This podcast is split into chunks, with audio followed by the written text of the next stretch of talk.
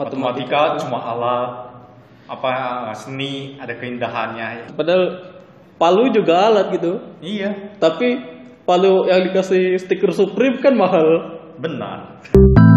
Bukti lengkapnya Bukti lengkapnya ada di buku Euclid. Euclid. Nah kalau ini benar Yu Euclid. Nah, ini Euclid. Yang tadi Euler, bukan Euler. Kalau orang Sunda Euler. Euler. Euclid. Euclid. Kayak umpan-umpannya Bruno Fernandes, Itu siapa ya? pemain MU. Oh, masih ada klubnya. Umpan sih. I'm Dr. Zoidberg, homeowner.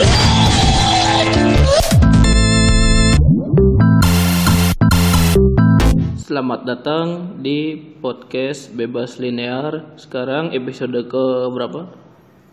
Ketujuh. Oh iya, sudah ketujuh. Sa- saya Rizky bersama partner saya. Lawrence Gimana kabarnya? masuk angin. Ya ya ya. Ya semoga cepat sembuh ya. Amin. Oke. Eh, hari ini kita mau bahas apa? Eh, 10 teorema yang katanya paling cantik loh. Ya, jadi hari ini kita bahas teorema ya. Kalau di episode 4 kita bahasnya konjektur yang belum pasti kebenarannya. Kali ini kita bahas yang pasti-pasti aja. Iya. Dan katanya yang apa paling cantik ya. Iya. Ad- ada yang cantik tapi bukan wanita gitu. Itu kayaknya joke ini udah basi kalau misalnya pas pas tayang ini kayaknya joke itu udah basi. Hmm. ya jadi kita akan bahas tentang eh 10 sebenarnya karena ini episode 7 ya. Kita pengennya sebenarnya bahas 7 Iya. terus tiga honorable mention gitu. Hmm. Itu apa ya? Biar pas Itu apa ya? Ya maksudnya ya sebenarnya ini eh, teorema-teorema ini hasilnya as- adalah hasil polling ya maksudnya. Ya. Pollingnya oleh David Walsh pada 1980-an. Ya, 1988 lebih Ya, tepatnya. itu 80-an akhir berarti. Jadi di majalah Mathematics In- Intelliger Intelligencer. eh, eh Intelligencer ya Mathematics Intelligencer itu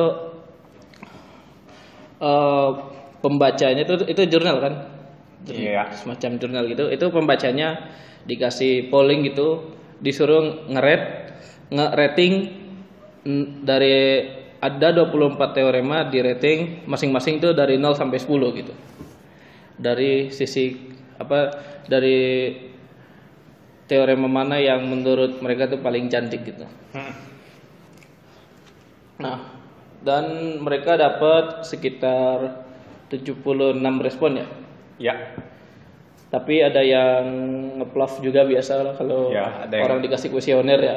Ada yang nol semua, ada yang 10 semua, ada yang isinya gak lengkap.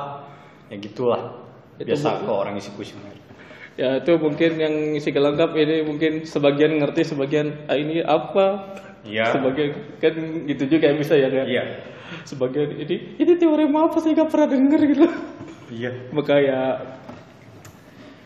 Gak tahu juga tuh.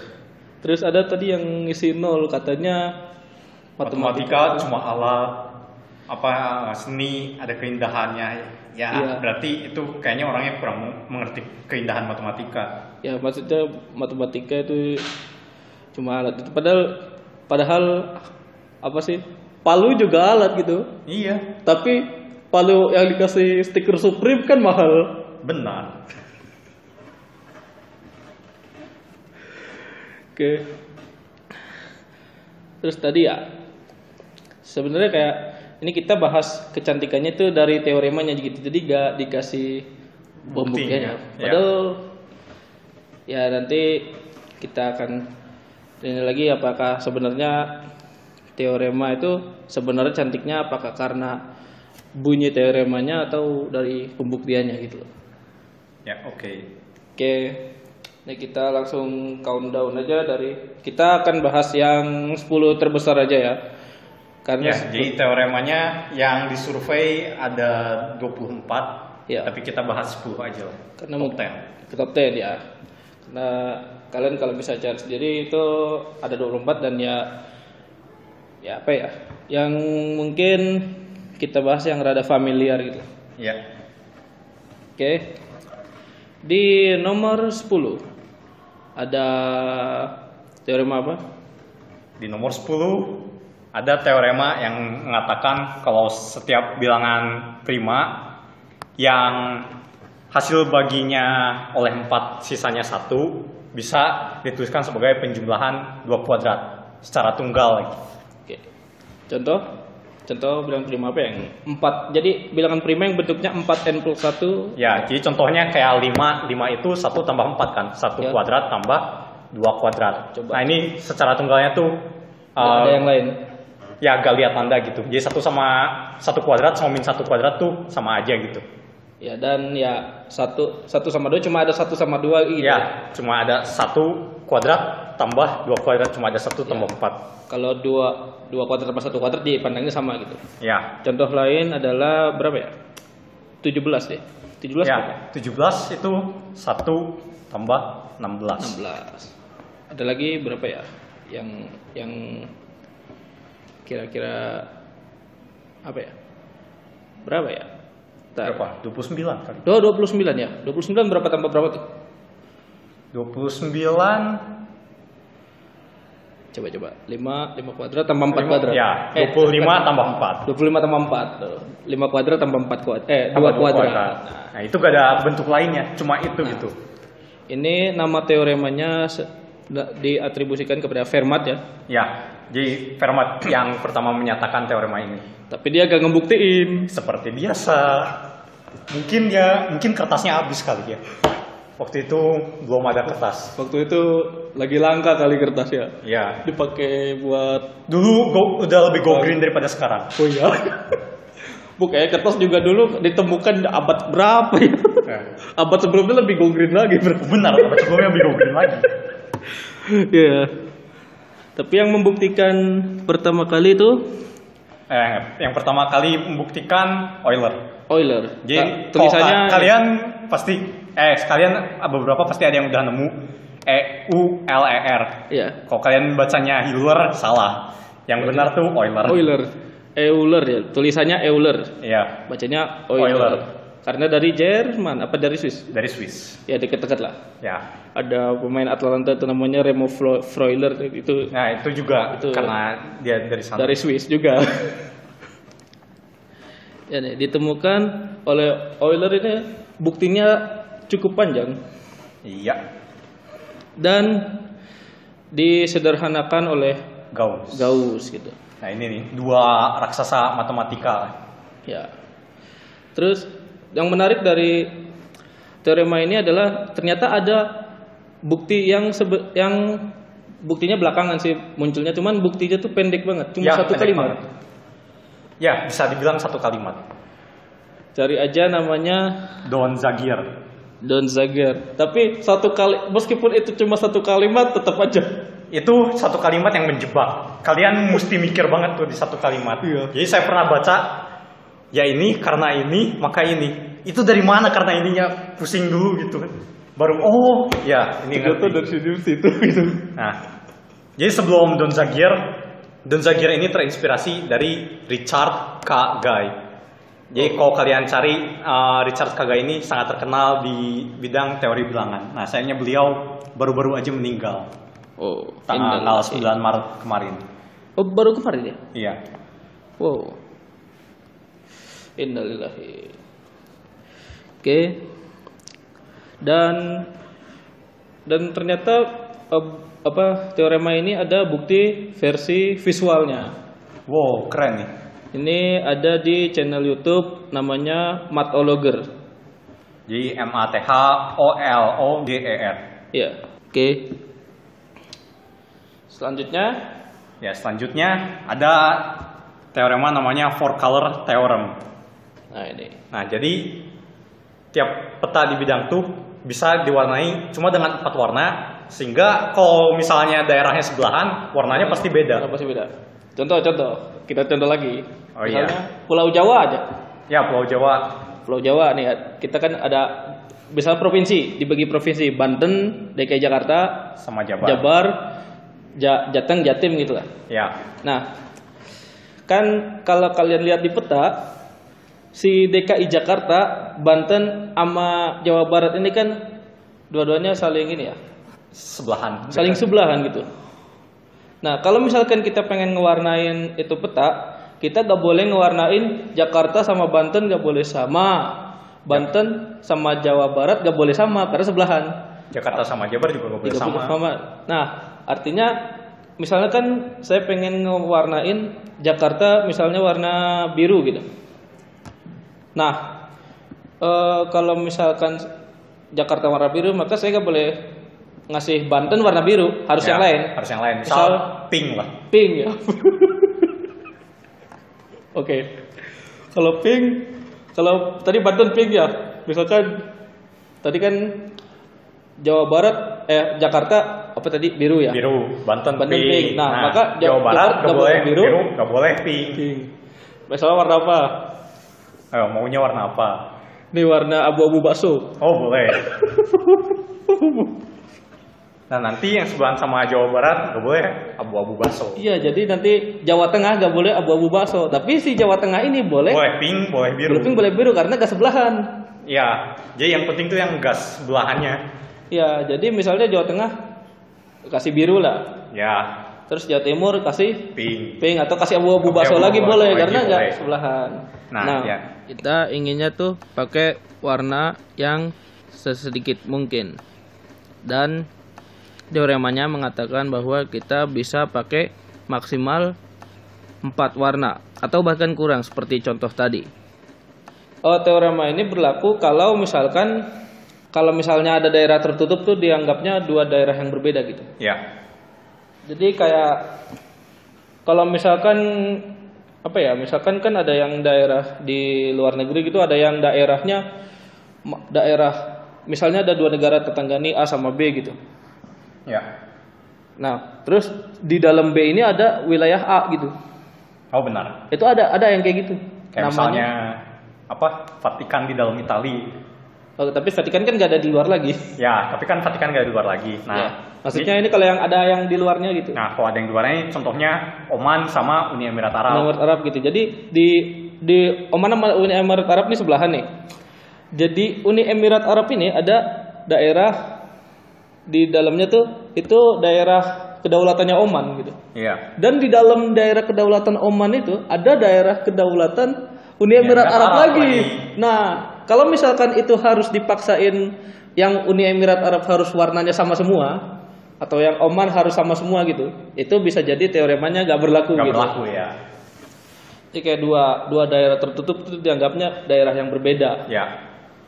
Nah, nah buktinya dibuktikan oleh Namanya Kenneth Apple sama Wolfgang Haken. Ah, Nah, ya. Tapi sayangnya buktinya ini masih bukti komputer gitu. Dia buk konstruksinya dari komputer bukan dari pemikiran manusia gitu.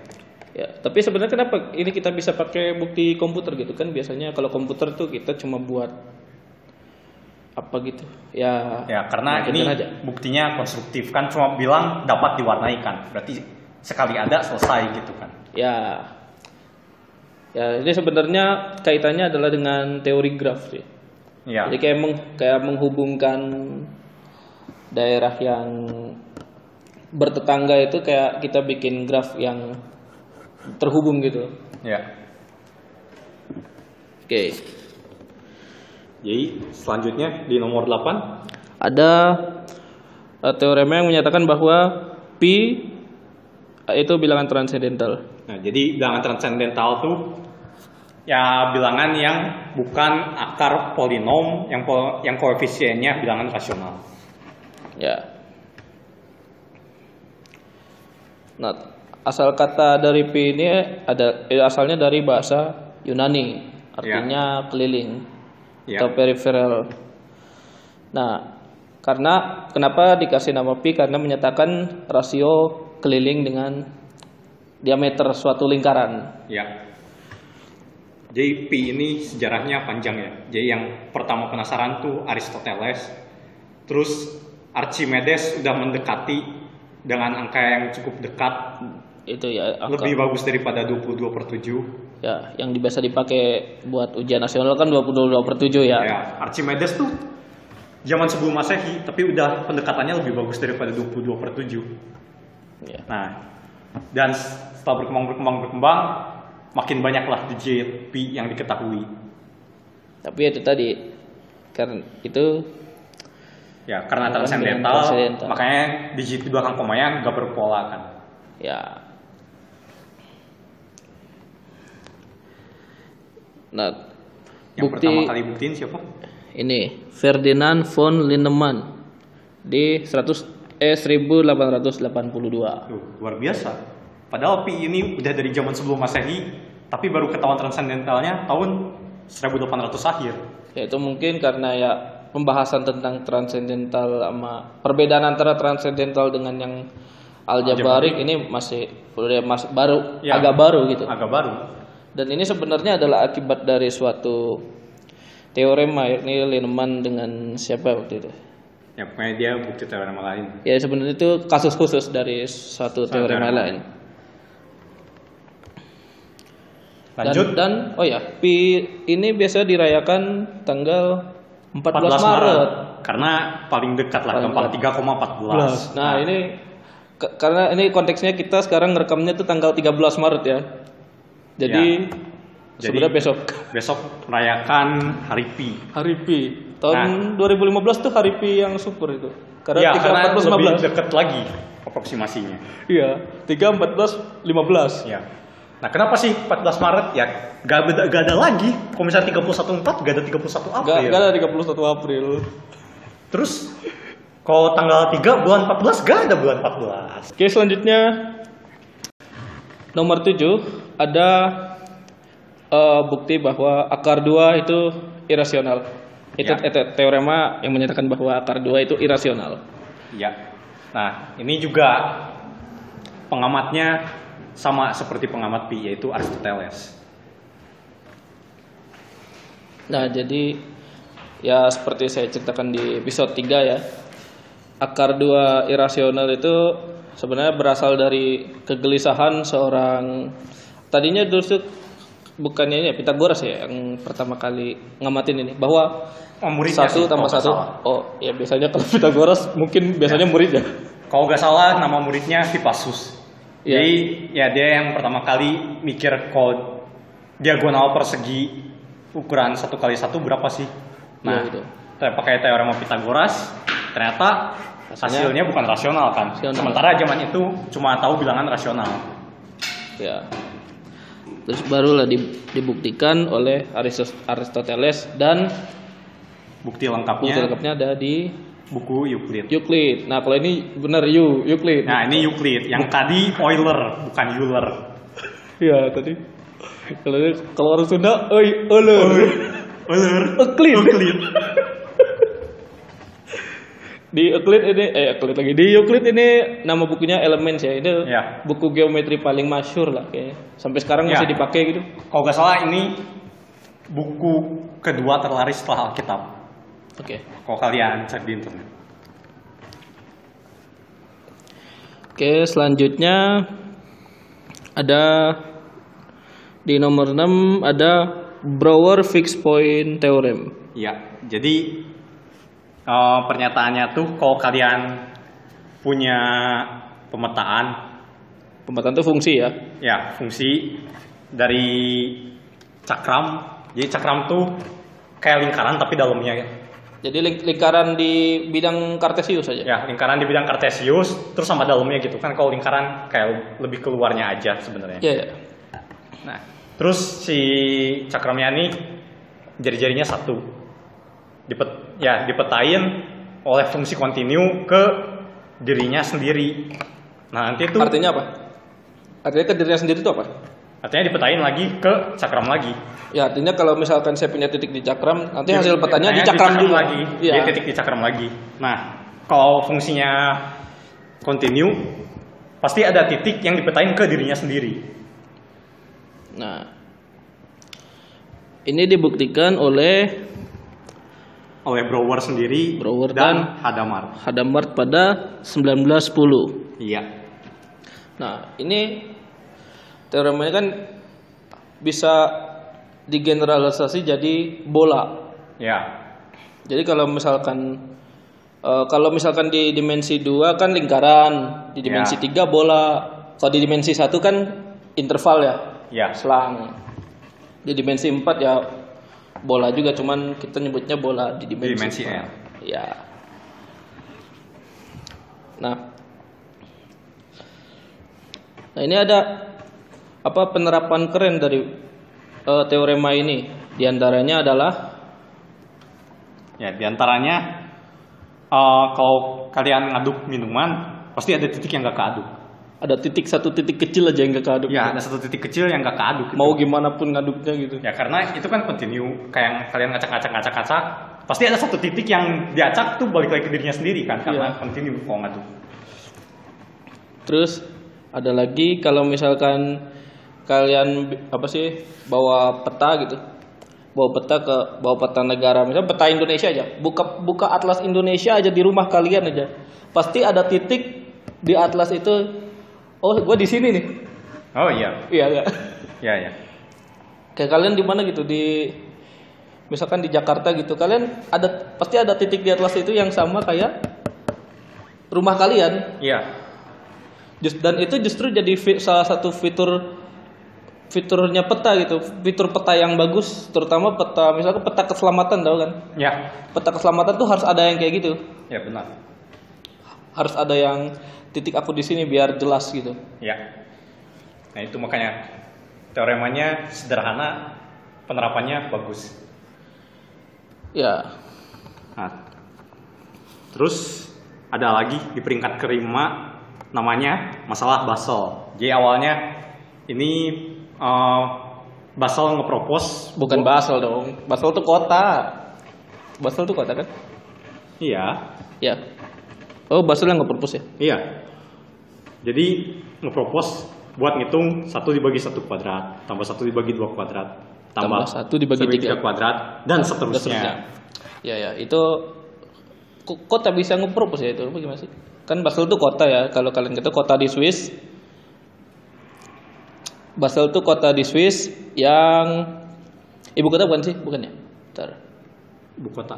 Eh, ibu kota kayaknya bukan deh Zurich, ibu oh kota. Zurich eh Oh, Jenewa. oh Jenewa. Emang ya tapi pokoknya it, Basel tuh nama kota di Swiss yang kayaknya saya tahu Basel tuh dari ini dari FC Basel tahu nggak? Iya, ya. FC Basel tuh yang logonya mirip Barcelona. Terus seragamnya sama-sama merah biru. Ya itu Barcelona yang Barcelona yang terinspirasi dari Basel karena pemiliknya si Hans Zimmer itu asal Swiss. Iya. Eh Hans Zimmer siapa sih gue lupa Hans, Hans Zimmer mah ya Oh ya. ini siapa sih tadi yang ngeproposnya tuh Pietro Mengoldi. itu siapa Itu matematikawan dari Italia, ya ya dari Bologna. Nah, kenapa, Kenapa ada? Basel? Karena Euler dari Swiss. Karo- Oh kira karena bolonya seragamnya merah biru juga Hah, bisa jadi sih. tapi ya itu Nah, ya, Tuh. jadi ya tadi nyebut Euler Tadi karena yang ngebuktiin Euler, ngebuktiinnya adalah Euler. Euler, nah, iya. jadi si jumlah deret ini kayak mungkin gak disangka-sangka gitu kan, itu cuma pecahan-pecahan, ya pecahan-pecahan. sat- sat- satu ya Ya satu per satu kuadrat, tambah satu per Dua dua, kuadrat, kuadrat, tambah satu per tiga kuadrat. kuadrat. Tapi hasilnya ada pi ada pi kuadrat lagi dibagi enam. di bagian 6 Kayak kok bisa gitu? kok, kok muncul pi gitu terus kayak ya kalau misalkan kalian belajar kalkulus ya ini kita tahu ini adalah bentuk deret p yang konvergen ya Ya. Nah, dosen kalkulus saya pernah nanya ini di kelas, ini jumlah deretnya berapa? Nah, karena saya udah belajar makanya saya jawab. udah belajar apa udah tahu aja Ya.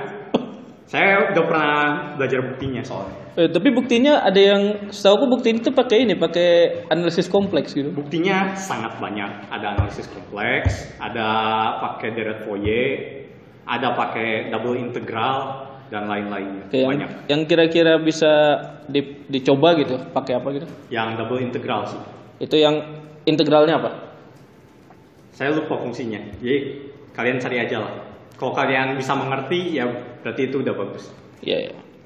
Tadi nah, kira-kira kenapa ini muncul pi dikuadratin lagi?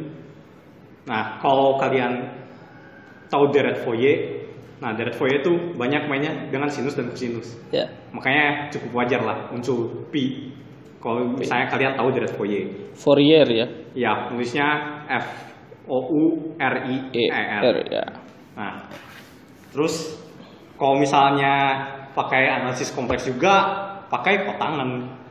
Ya, mak- makanya muncul Makanya sudut. muncul pipinya juga. Ya, ya, ini dibuktikan oleh Euler pada 1741. Ya, Lalu dan eh, teorema ini punya kaitan dengan Riemann zeta function. ya. Jadi kalau yang ini kita tulis dalam penjumlahan jadi sigma Satu n per sama dengan 1 sampai tak hingga dari 1 per n kuadrat. n kuadrat. Nah, kalau Riemann zeta function tuh duanya diganti oleh s. S Dengan s-nya tuh bilangan kompleks yang bagian realnya tuh lebih dari satu. Nah, ya. Itu kita bahas di episode 4. Eh, iya episode 4. Dan kalau kalian tertarik dengan masalah ini, kalian bisa cek di YouTube juga ada eh, channel namanya Three Blue One Brown, Ya, tiga tiganya pakai angka, Satunya satunya juga pakai angka. tiga blue satu brown gitu ya. Ya, Itu pernah bahas eh, Basel problem dan kenapa tiba-tiba muncul pi di eh, belakang itu. Ya. Itu bagus banget. Oke. lanjut. Oke, nomor 4. Hanya ada 5 polyhedron leg- reguler. Apa itu polyhedron reguler? Itu maksudnya adalah eh, bangun ruang ya, bangun ruang yang apa ya? Sisinya eh, luas sisinya sama gitu. Ya gak sih? Ya, Yakni tetrahedron atau piramida segitiga kalau kalian tahu di ini. ya. Terus kubus, Kubus. Oktahedron terus Itu- dodekahedron itu eh, segi eh, Segi 12. 12 ya. Penghuni Ya. yang punya 12 sisi. 12 sisi kayak ini kayak apa tahu bola plastik gak sih? Ya, ya. Mirip-mirip kayak gitu cuman kalau bola plastik kan agak melendung kalau ini datar. Ya. Sama ikosahedron Nah, ikosahedron ini 20 sisi. 20 sisi. Nah, karena dia bentuknya sama gitu kan kalau kubus kan kita tahu bisa main dadu pakai kubus ya. Iya. Dadu kan bentuknya kubus karena peluangnya muncul sama. Ada juga yang Dadu yang dadu yang ini, dadu yang bisa dijadiin dadu Dodecahedron. dodecahedron ada ikosahedron. ikosahedron jadi ada 12 gitu, ada 12 ada 20 gitu. Ya. ada juga tuh temen aku punya tuh dadunya tuh. Iya. Nah, bangun-bangun seperti ini tuh disebut juga platonic solid dari Plato ya, Ya. Dari nama Plato dan hanya ada eksistensi lima hanya ada tuh artinya yang nggak nggak ada lagi gitu lebih lebih dari lima nggak ada ini dibuktikan oleh Euclid. Euclid lagi di Bukunya Elements Elements. Jadi Elements ini berapa volume? kan, iya. Ya berapa volume ya? 9 atau lebih. kayaknya ada 10 10 ada kalau nggak Ya. Terus dan ini bisa, bisa dibuktikan secara sederhana dengan menggunakan karakteristik Euler. Tapi Euler itu lahirnya belakangan kan maksudnya. Ya. Ta- Maksudnya setelah menemukan namanya karakteristik Euler itu kita bisa membuktikan ini dengan lebih mudah lagi gitu. Ya. Dan itu nanti kita bahas di nomor 2 ternyata. Iya. Kita spoiler. Iya. Gak apa-apa. Nah, yang menarik adalah kalau misalkan ini kita, itu kan tadi kita bi- bicaranya ba- bangun ruang ya. Iya. Kalau misalkan ini kita ganti dimensinya gitu. Kalau di dimensi 2 Itu ada tak hingga banyaknya. ya banyaknya yang bentuknya sisinya sama semua gitu. Iya. Ya, kalian Kan ada- regular and gone lah. Pasti itu kan Ya. semua sama semua sisinya. Segitiga, Persegi, Persegi, segi, lima dan seterusnya. oktagon, Ya, sebelahnya TPST. sebelah TPST itu gedung gitu. Ya, itu gedung di ITB. gedung di ITB oktagon. Terus nah, kalau misalkan di dimensi 4 Ada Ada 6. ya Ada yang namanya hypercube gitu. ya Atau apa sih tesseract ya sih? kurang tahu. Ya hypercube itu jadi kubus. Kan kalau misalkan kalau misalkan di tiga dimensi kan itu kan persegi ditempelin ya jadi kubus Ya. gitu. Nah kalau di dimensi 4 itu kubus ditempelin. Iya, Tapi kita nggak tahu nggak bisa ngegambarin nih kubusnya Ya. kayak apa gitu. Sama apa tadi tetrahedron itu segitiga ditempelin, eh, dodekahedron eh dodekahedron segi lima ditempelin gitu. ya, Nah kalau di dimensi 4 ya bangun-bangun kayak gitu ditempelin. ya. Cuma ya kita gak bisa gambarin. Cuman kita nggak bisa gambarin dan ternyata udah dibuktikan ada enam buah Ya, yang bentuknya seperti itu. Nah, dan di, di dimensi 5 atau lebih tinggi, cuma ada, Cuma ada tiga. Nah, makanya itu kerennya gitu. nah itu kita bi- bisa ngeliat matematikawan tuh bisa ngelihat yang kita bisa nggak bisa gambar lihat gitu. itu barangnya aja kayak apa kita nggak tahu gitu. Jadi ada quote juga kayak geometri itu menyimpulkan hal yang benar dari gambar yang salah. Makanya geometri yang bagus tuh yang gak bisa digambar. Karena kita udah tahu ya nggak salah lah. Ya ya ya. Nah, terus di posisi ketiga Nah, ini medali perunggu ya. boleh ya? Boleh. Ini penyertaannya sederhana. Kayak kalau kalian tahu lah bilangan prima pasti udah belajar juga. Ya apa? Kita recap aja. Jadi bilangan prima tuh yang pembagi positifnya cuma satu dan dirinya sendiri. Ya. Nah, bilangan prima nih ada berapa banyak sih? Nah ternyata ada tak hingga banyaknya. Mm. Nah bukti pertamanya tuh oleh Euclid lagi, Euclid lagi. Biasanya kalau gak Euclid, Euler. Makanya ini raksasa matematika ini emang beredar di mana-mana ini. Bahkan dikasih nama anak depannya EU. apa? Eustachius. Oh, orang Sunda bukan. Kalau orang Sunda kan Eustachius.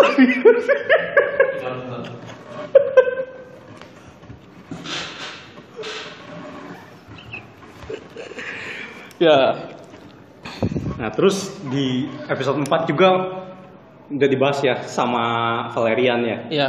Jadi konjektur tentang bilangan prima ini ada sangat-sangat sangat banyak. Banyak. Ada twin prime. Ya, yang, salah, yang paling gampang pernyataannya twin prime kayak ada hingga banyaknya prima P sehingga P dan P plus 2 dua-duanya prima. Ya, ada ada yang pasangannya tuh banyaknya tak hingga ada yang Goldbach juga eh Goldbach. Ya. Goldbach prime bukan sih? Bukan ya? Ya, terus Ada yang seksi prime. Ya Itu itu belum dibuktikan, tapi kalau yang banyak sampai tak hingga udah udah dibuktikan. Nah, gimana buktinya? ya. Kita coba jelaskan di sini. Nah, Jadi yang gampangnya ya kalian misalin aja si primanya cuma berhingga ya, gitu. diandaikan aja gitu. Ya, jadi kalau primanya cuma berhingga, terus kan bilangan asli ada tak hingga banyaknya ya. Ya, Jadi kalau misalnya bilangan primanya berhingga P1, P2 sampai PK gitulah, Ya. misal. Nah, kita lihat nih P1 kali P2 Dua kali sampai seterusnya PK sampai gitu. kali PK terus ditambahin satu. Nah, misalnya misalnya misalnya P1 kali P2 kali bla bla bla sampai kali PK ini saya sebut misalnya P gitu. P besar aja P sama besar. dengan P besar. Jadi kita tinjau P, P plus 1 gitu. Ya, kita tinjau P plus 1. Ya. Nah, kita mau tahu nih P plus 1 ini prima atau bukan. Nah, harapannya kan si P plus 1 ini prima kan, karena kita maunya ada tak hingga Ada banyaknya. hingga banyaknya. Bilangan prima. Ya. Misalnya tadi oh ya tadi misalkan tadi P1 sampai PN ini eh, PK ini ini. udah lengkap gitu. Ya udah lengkap. Udah gak ada yang ketinggalan. Terus kita tinjau P plus 1 yang tadi hasil perkaliannya ditambah 1. Ya. Nah, Nah, kalau misalkan itu prima, selesai. bukan. Berarti list Berarti tadi ada prima baru. ada prima baru, list tadi belum lengkap dong. Belum lengkap ya. Ya, Berarti salah kita. salah kita asumsinya. Nah, kalau misalkan Itu nggak prima, Nggak prima. Berarti kan itu habis dibagi Oleh- salah sa- minimal lah salah satu dari P1, P2 sampai PK ya. atau misalkan ya tadi P, P, P plus 1 habis dibagi suatu prima gitu. Ya. misalkan prima. Ki gitu. Ya, primanya tuh antara P1 sampai PK gitu. Ya. Itu. Ki-nya itu sampai PK. Tapi kalau misalkan Ki-nya itu antara 1 sampai PK kan tadi maka P plus 1 per Q harusnya bulat kan? Iya. Nah, tapi kan P ini habis dibagi Q kan. Iya. Nah, kalau mau bulat berarti satu ini harus dibagi Q dong, harus habis Iya. dibagi Q. Nah, padahal satu kan pembaginya, pembagi positifnya cuma dia sendiri Iya. kan. Dan Q-nya tadi prima. Dan Q-nya prima kan lebih besar dari satu, gak, gak mungkin membagi satu kan. Iya. Nah itu berarti pengandaian kita salah. Salah. Jadi harusnya Harusnya P plus satu itu prima. ya, tapi kalau tadi prima kita bilang ini gak lengkap. Ya, kita gak lengkap, makanya. Berarti yang kita andaikan salah. Ya, jadi ha- haruslah bilangan prima ini Ada tak hingga banyaknya. tak hingga banyaknya. Nah, ya ini kan kalau kita bahas bilangan prima hingga sekarang ada bilangan prima terbesar yang baru ditemukan gitu biasanya. Kayak kayak orang nemuin bilangan prima yang lebih besar dari berapa digit itu dapat duit gitu, ada kan? Iya. Itu itu walaupun kita tahu bilangan prima hingga banyaknya tapi kita masih terus aja gitu nyari ya. bilangan prima gitu. Soalnya kita gak tahu nih pola bilangan prima tuh kayak gimana. Iya. Karena kan kayak gak teratur 2, 3, 5, 7. Iya. Maunya 9 kan prima. Oh, eh tidak. enggak. 11. 11 13, pengen 15 prima? Enggak. Oh, enggak. 17, 19. Iya. Habis 19 23. Habis 23 29. Nah, Nah itu karena bilangan prima ini gak teratur gitu, Ya. kayak gak punya pola khusus. terus bilangan prima yang terbesar yang ditemukan ya, Ya. yang kita tahu gitu, yang bi- itu adalah 2 pangkat 82 juta 589.933. ya, Nah, dikurangi satu. dikurangi satu, gak mungkin dong, gak, gak dikurangi satu kan, Iya. lima pangkat. Nah, ini itu digitnya ada 24 juta 862 48 digit. Wah, terus ditulis di buku ya, Ya, itu bisa ditulis di buku panjang banget. gitu. ya ditulis di buku satu buku itu isinya bilangan prima itu, berapa Iya. halaman itu? Kayak kalian bikin poster, mungkin poster A1 gitu, dengan tulisan kecil-kecil baru muat gitu. Ya atau bikin buku halamannya udah kayak yellow page. Iya. Tapi ya bilangan prima yang besar ini kita butuhkan buat kriptografi. Iya. Nah, terus bilangan prima nih kayak intinya penelitian teori bilangan gitu. Iya. Nah, salah satu hasil yang keren menurut saya kayak kamu bisa punya eh, barisan aritmatika berhingga isinya tuh prima semua. Panjangnya berapa aja barisan aritmatikanya? Kayak kok bisa sih? Padahal kan Berhingga. gak, gak teratur itu. Berhingga. Ya, barisan aritmatikanya tuh berhingga. Jadi misal A terus A plus sesuatu A plus Sesuatu- R Sesuatunya berhingga gitu. Ya, A plus R sampai A plus NR itu kan barisan aritmatika panjang. Iya. N plus 1. Ya. Nah, barisan aritmatika panjang N plus 1 ini bisa dicari sehingga si A-nya prima, A plus R-nya prima, seterusnya sampai A plus NR-nya tuh masih prima. Oh iya ya ngerti ngerti. Makanya kayak kok bisa gitu padahal prima nih ngaco banget gitu. Hmm iya ya. Ya, tadi kaitannya dengan kriptografi juga bilangan prima tuh dipakai buat enkripsi. Ya, Jadi kalau misalkan bilangan prima yang kita pakai kecil ya nggak aman dong buat ya enkripsi soalnya gampang dibobol hacker gitu. ya soalnya biasanya kan kriptografi perkalian dua prima. Ya kalau Ya. primanya kecil gampang lah. Ya kita pakai prima yang gede biar susah dibobol gitu. Iya. Nah, terus kalau misalnya kalian lihat prima ini ngaco, sebenarnya ada seberapa banyak prima sih yang kurang dari sama dengan X gitu, buat Iya. X-nya positif besar. Nah, ini nih perkiraannya sekitar X dibagi log X. Jadi makanya si prima tuh makin lama makin jarang gitu sih bilangan prima. Hmm ya ya. Makanya yang itu konjektur twin prime itu keren. Karena walaupun primanya makin jarang, tapi yang prima sama prima plus 2 masih prima juga, masih terus ada gitu walaupun primanya makin jarang. Makanya di bukti paling awalnya juga yang dibuktiin tuh bukan prima sama prima plus 2, tapi prima, Sama prima. plus prima plus 70 juta. Iya yang dibuktiin buat twin prime tuh ya ya itu. Ya itu, yang paling pertama tuh prima sama prima plus 70 juta. Itu Karena- banyaknya hingga gitu ya. Iya, makanya karena si prima tuh makin jarang. Hmm ya ya. ya. Oke. Oke, kita beralih ke Ke runner up. perak. Runner up. Ya tadi yang udah sempat disebut yaitu karakteristik, Karakteristik. Jadi, Jadi kalau kalian punya polyhedron convex, konveks. Nah, konveks ini apa? convex itu kalau kita punya dua titik di polyhedronnya, kita tarik garis lurus, Lurus, garisnya masih di situ. Contoh nih, contoh misalnya kubus nih, kubus bayangannya kalau konveks tuh gini aja kayak kalau misalnya kita punya ruangan bentuknya kubus, terus bayangannya ruangannya tuh gak ada gravitasi gitu. Ya, Terus misalnya kita di suatu titik A gitu, kita pengen ke titik mana aja di dalam kubus itu masih bisa. masih bisa, masih bisa terbang, gak harus keluar kubus gitu. Iya, Beda kalau misalkan ruangannya bentuknya katakanlah dari atas kelihatan kayak bulan sabit gitu. Kalau kayak bulan sabit misalnya kita di ujung bulan sabitnya mau ke ujung mau yang ke ujung lain. yang lain tuh harus keluar. Ya, kalau mau lurus harus keluar. Kalau mau lurus harus keluar gitu. kalau mau tetap di bulan sabitnya ya mesti Mesti muter. Iya, mesti muter. Gak bisa lurus terus. Gak bisa lurus. Nah, itu yang dimaksud dengan konveks. Nah, jadi pernyataannya sederhana. Jadi banyaknya titik sudut, kurang banyaknya rusuk, ditambah banyaknya sisi, pasti dua. Pasti dua. Untuk yang konveks. Ya, Nah, ini dibuktikan oleh Cauchy. Cauchy pada la- 1811. Nah, selain itu, ini juga yang mengilha- mengilhami poin kare, poin care buat Poincaré ya. nemuin yang namanya uh, algebraic topologi. Nah, kalian bisa carilah algebraic topologi itu ngomong apa. Nah, itu tuh poin kare inspirasinya dari karakteristik Euler ini. Ya, tadi apa tadi? Udah namanya titik sudut kurang Kurangi rusuk banyak, rusuk, tambah sisi, sama dengan dua. Contoh misalnya kubus saja. Ya, kubus berapa? Banyak sudutnya? Banyak sudutnya 8, 8, banyak rusuknya? banyak rusuknya 12. 12, Jadi sisinya sisinya sisinya ada 6. ada ada 6. 8 kurang 12 min 4 tambah 6 2. Dua.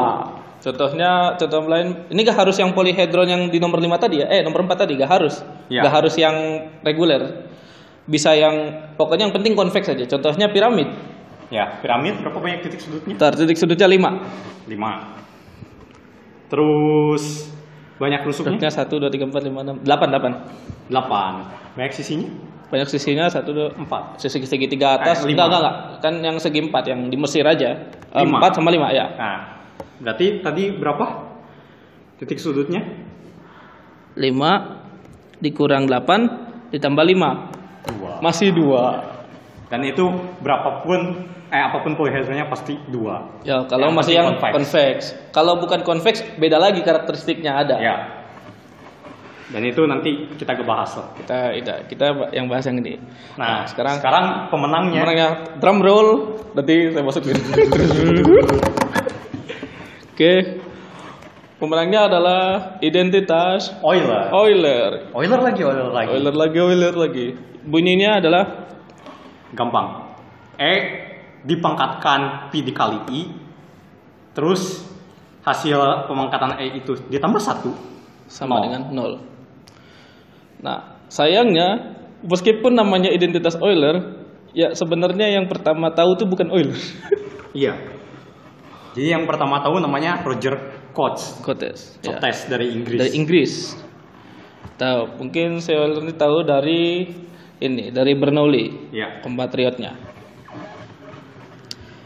Nah, Nah, tadi E pangkat I kali Pi kan ya? ya. Nah, E tadi E itu bilangan Euler yang kita tahu yang berkaitan dengan pertumbuhan penduduk gitu. Atau berkaitan dengan logaritma natural. Pi adalah eh, yang tadi lingkaran dan I imajiner. Iya. Nah, kenapa ini menjadi eh, apa? paling teorema paling cantik gitu. Ya, karena tadi uh, udah sempat dibilang juga apa pi itu transendental Pi transendental dan faktanya juga e itu transendental juga. Ya, kita punya dua konstanta paling famous nih di matematika. Ya. Terus nah, terus e pangkat pi ini transendental. transendental. Terus i ini imajiner. Imajiner, ada Kita nggak imajiner. tahu. Imajiner itu apa? Coba akar min satu itu apa? Ditambah satu, satu tuh identitas perkalian Iya, kan? Iya. Sama dengan identitas penjumlahan. Penjumlahan. Terus di situ ada operasi-operasi yang apa sering kali digunakan di matematika ju- penjumlahan Pemangkatan dan dan perkalian. perkalian. Oke, kayak kok bisa gitu?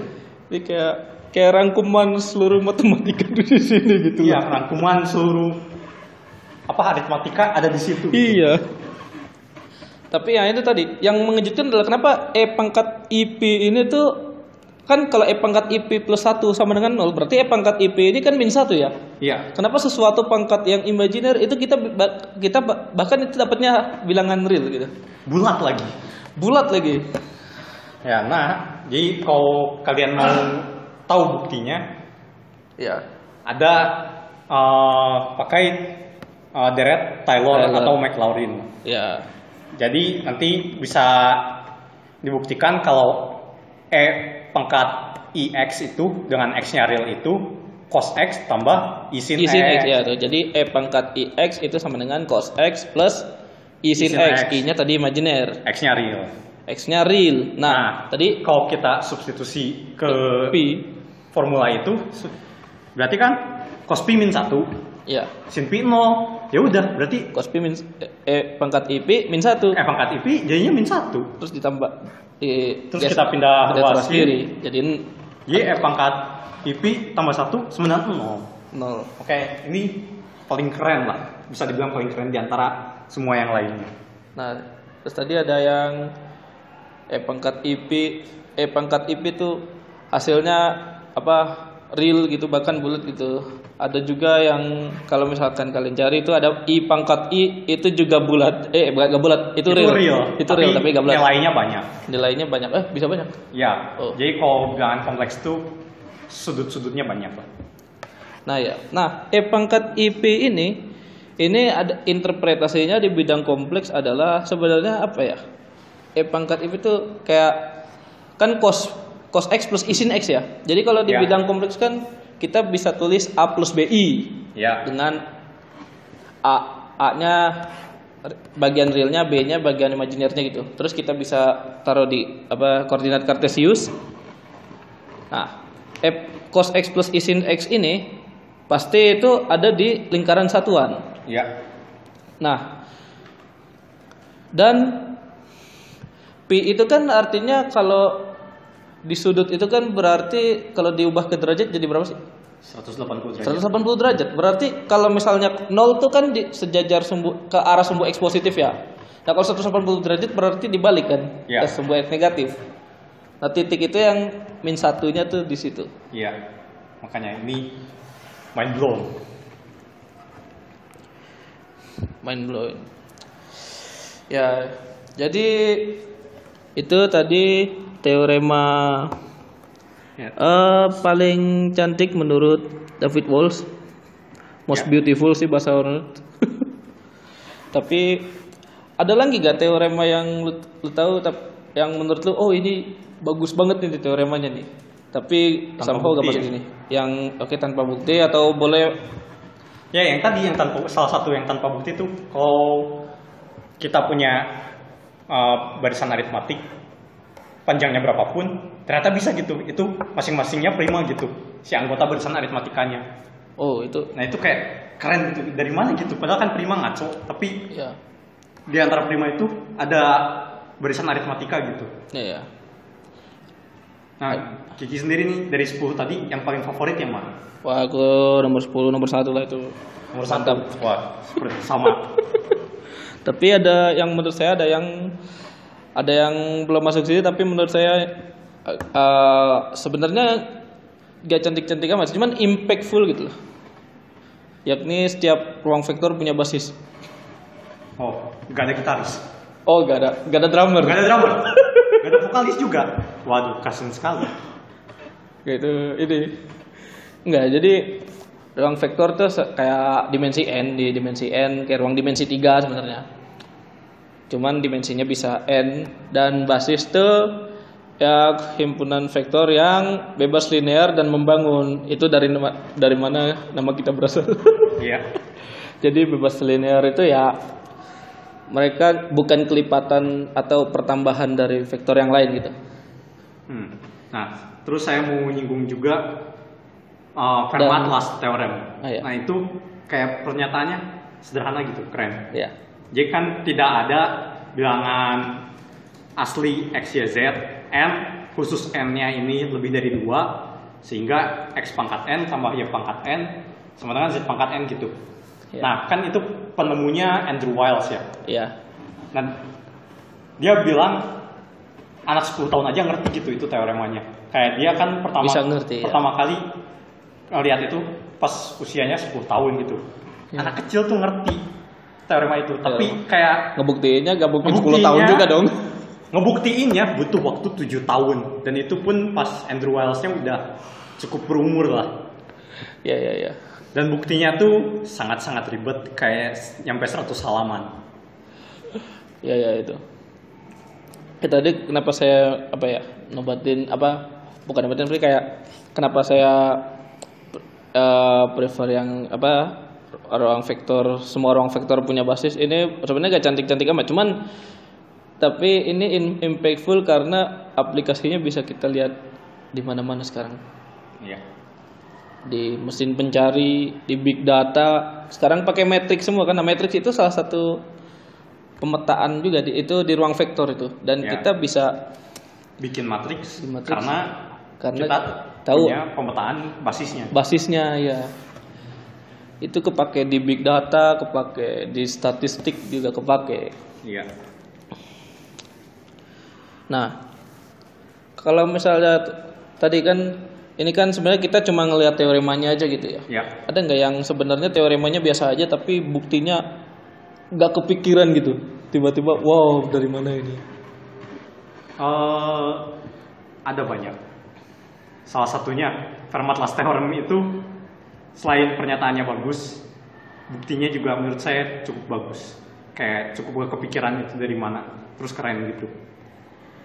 Karena itu dari teori bilangan bisa nyambung ke analisis kompleks, ke aljabar dan lain-lainnya. Kayak itu Ya. cukup lengkap lah di situ. Cabang-cabang matematika. Ya, kalau kalau kita yang yang ini yang si Don Zagier itu yang pakai bukti singkat tapi sebenarnya itu nggak nggak Ya. segitu itu cuma nggak kepikiran aja gitu. Ya, itu sebenarnya kalau baca Richard Kagainya ada cukup kepikiran karena inspirasinya dari situ. Ya, Nah, ya.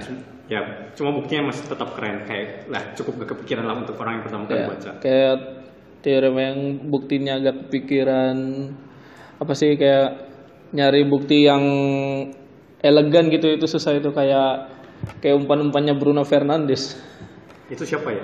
pemain MU Oh masih ada klubnya. umpan sih Soalnya waktu itu saya Google, Saya scroll. Liga Inggris belum scroll gak ada itu klubnya. eh sekarang sudah peringkat 5 Oh ya sekarang udah ada ya. sekarang udah ada Berarti baru ada itu. baru ada ya itu kayak umpan-umpannya Bruno Fernandes itu atau Mesut Ozil pas masih jaya-jayanya gitu kayak gak kepikiran gitu penonton kok tau-tau bisa ke situ gitu Iya. itu sama dengan bukti-bukti matematika yang kadang-kadang ditemukan gitu Nah, terus ya teorema-teorema yang cantik sangat banyak.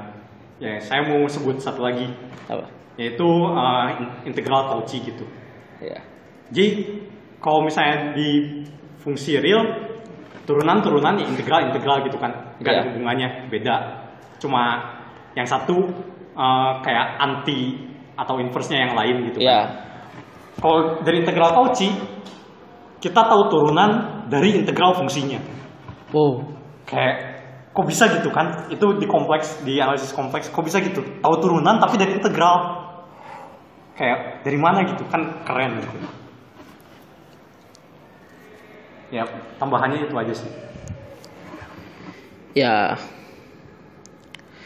jadi apa teorema menarik yang menurut pembaca yang eh pembaca menurut pendengar yang menarik gitu untuk didiskusikan atau paling cantik menurut pendengar gitu ya? Silakan kalau misalkan ada pendapat ke DM di eh, Twitter saya @mrizkifadillah ada di header deskripsi. Ya kalau mau nanya-nanya juga gitu, boleh. Asal jangan nanya soal ya. Pusing kita jawabnya di sini. Iya. ya paling nanya aja kayak teorema ini yang pertama kali buktiin siapa dulu atau fun fact fun fact gitu. Bilangan kayak tadi bilangan prima terhingga enggak gitu. Boleh boleh aja kayak gitu. Siapa tahu bisa jadi insight juga buat yang lainnya. Ya ada lagi? Oke. Sampai sekian eh, episode ketujuh kali ini. Sampai jumpa di episode selanjutnya